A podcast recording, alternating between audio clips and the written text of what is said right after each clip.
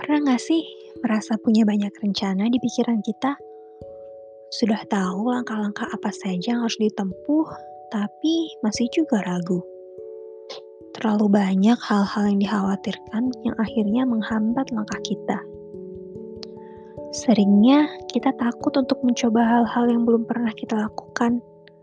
Entah itu takut gagal karena ragu dengan kemampuan diri, atau takut dinilai buruk oleh orang lain di sekitar kita. Padahal, gak ada yang salah dengan mencoba kan? Gimana caranya kita tahu kalau kita mampu kalau gak pernah mencoba?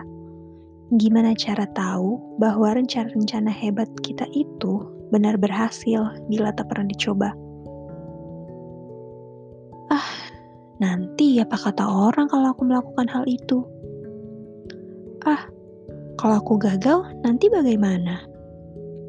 Ah, kayaknya aku gak mampu deh untuk melakukan hal itu.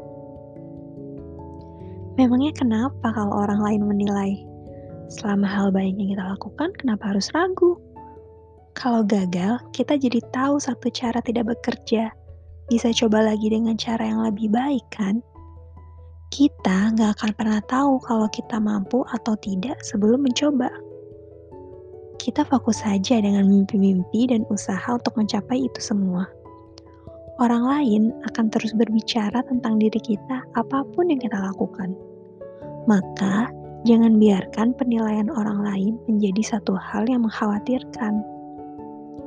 Gagal itu biasa, justru itu menjadi tanda bahwa kita terus berusaha. Kalau gagal, ya coba lagi. Kalau jatuh, ya bangkit lagi. Kegagalan mengajarkan akan satu hal yang tak seharusnya kita lakukan lagi di kemudian hari. Tanamkan pada diri bahwa kita itu mampu. Allah itu ciptakan kita sebagai sebaik-baik bentuk makhluknya. Kenapa kita ragu? Kalau sudah berpikir gagal sebelum mencoba, masih mau berharap dapat hasil yang baik.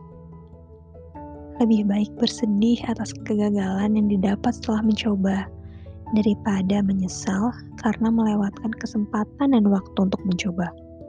Waktu kita di dunia ini tak ada yang tahu sampai kapan. Jadi, yuk mulai bergerak.